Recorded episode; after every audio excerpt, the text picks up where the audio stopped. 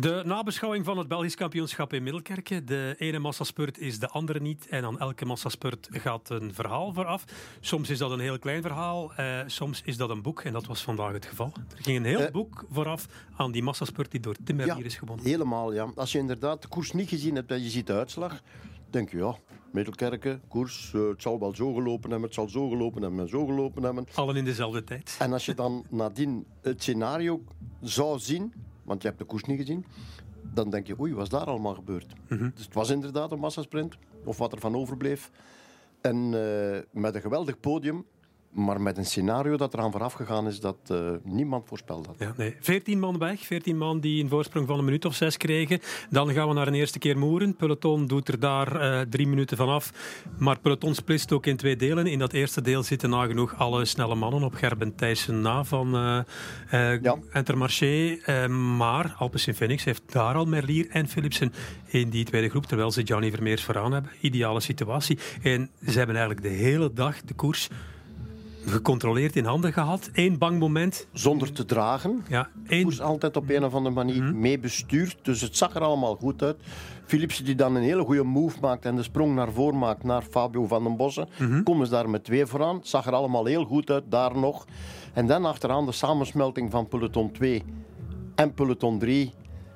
En dan is alles opnieuw begonnen. Ja, Eh, Philipsen die vooraan mee was met een kopgroep van 12. Kopgroep van 12 die leek te gaan eh, Ja. beslissen wie Belgisch kampioen zou gaan worden, kent op dat moment pech en hangt dan tussen die elf anderen en het peloton dat aan het jagen is. En alles zit daar binnen de 45 seconden. En toch blijft hij kilometers lang rijden. Kost hem dat de Belgische titel? Ik denk het wel.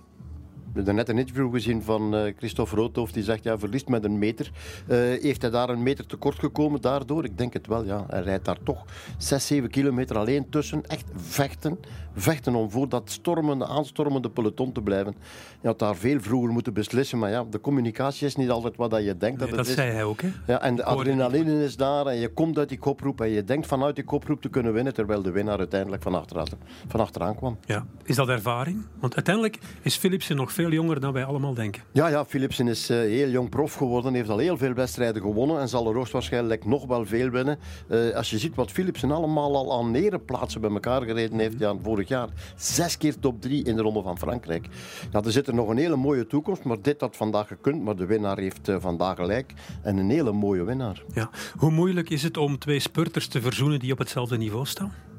In een ploeg, als ploegleider, om daarmee om te gaan ook? Dat is bijna onmogelijk. Mhm. Is bijna onmogelijk. Je kan dat doen zoals vorig jaar ze dat gedaan hebben. Mathieu van der Poel die de sprint aangaat. Uiteindelijk dan Jasper Philipsen. Dan een valpartij in het spoor van Tim Merlier van Juwen. En Merlier wint. En dan denk je Sander en Daag, ja nu gaan we het anders doen. Want dan verloopt de koers totaal anders. En dan wordt Philipsen tweede. Ja, 1-0. En, en, en zo ga je verder en op die manier wordt Philipsen drie keer tweede in de Ronde van Frankrijk voor vorig jaar. En Merlier wint zijn etappe. Hoe ga je dat nog recht trekken? Ik bedoel, dat is en blijft moeilijk. Twee sprinters van dezelfde waarde bijna. De ene iets anders. Philipsen iets meer in een lastige sprint, iets sterker denk ik. En Merlier misschien wel de snelste van allemaal. Ja, eh Christophe Roodhoofd zegt Tim Merlier die gaat naar Patrick Lefevre. Patrick Dus je Lefevre gaat heeft, eh, niet moeten duiken. ja, nee, die heeft op dit moment ook al twee spurters. Mark Cavendish en Fabio Jacobsen. Cavendish die gaat waarschijnlijk dan verdwijnen als Tim Merlier komt. Maar dan zit je weer met eenzelfde situatie. Ja, maar die gaan die splitten. Hè. Die gaan nooit in dezelfde wedstrijd rijden. Ook dit jaar, normaal gezien, was Merlier niet voorzien voor de Ronde van Frankrijk. Maar ging de Ronde van Italië rijden. Had daar zijn gram kunnen halen. En dat was van de discussie geen sprake meer. Maar nu, ja, nu komt het verhaal terug. Hè. Waarom Merlier niet mee naar de Ronde van Frankrijk? Ja. Zeg zo maar iets. En Jacobsen en Merlier gaan elkaar ook niet tegenkomen op een Belgisch kampioenschap natuurlijk. Eh, moeilijk. Moeilijk. Eh, het was een kampioenschap dat, wat mij betreft, de verwachtingen erg overtrof. Ja, we krijgen bezoek. Krijgen we bezoek? Ja. Dag eh, Julie. Maar wij zijn nog wel even bezig en dat geeft niet. Dit Nee. is eh, Julie, dat is de make-up artieste, zullen we het maar noemen. Ja, en die heeft werk. Hè. Ja, dat is waar. Ze, is- ze heeft naar jou gekeken op beeld en er moet wat bij gepoederd worden, denk ik. Dank u, dank u. dank u. Eh, José, enfin, we hebben een heel mooi Belgisch kampioenschap gezien. Ja, Mhm. heel mooi. Ja. Middelkerke, 208 kilometer. En dan denk je, ja, wat gaan we daar krijgen? Weersomstandigheden, het zou moeten regenen, het zou moeten koud zijn. Nee, helemaal niet. Het was goed weer, de wind was strak, maar niet strak genoeg. En toch krijgen we een geweldig kampioenschap. De mensen die hier waren, de mensen die de koers gezien hebben van thuis uit, hebben denk ik, eh, ja, hoe zou ik het zeggen, niet uit de zetel weg geweest. Gewoon blijven kijken, want er gebeurde altijd wel iets. Het was mooi. Mhm. We gaan richting Tour.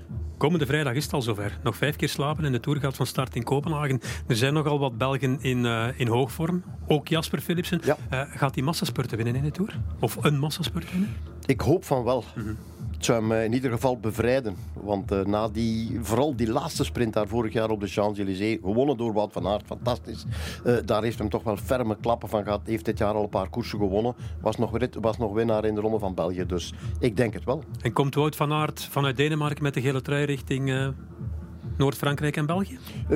met de tijdrit die er zit aan te komen. Ik heb me laten vertellen door Seurensen. Veel bochten. Ja, veel bochten. Dat dat optrekwerk dat dat in gang komen, dat dat iets voor een uh, veldrijder zou kunnen zijn. Maar, en zelfs als je daar een paar seconden zou verliezen op een, uh, op een andere coureur, dan kan je die nog goed maken door de bonificaties. In op Ghana bijvoorbeeld, dat zou mm. kunnen. En dan, uh, ja, dan moeten we gaan kijken. Wout van Aert, uiteraard. En als we over Wout van Aert spreken, spreken we ook altijd tegelijkertijd over Mathieu van der Poel. Mathieu van der Poel, klopt. Uh, José, ik wens je nog een uh, fijne laatste week voor de Tour toe, de laatste vijf dagen. Laat de batterijen nog maar eens goed op. En vanaf vrijdag erin vliegen. Hè? Ja, absoluut. Alle twee op een ander terrein. Hè? Ja. Julie, je mag weer recht staan hoor. We, we gaan eruit. Tot een uh, volgende keer. Dank u wel.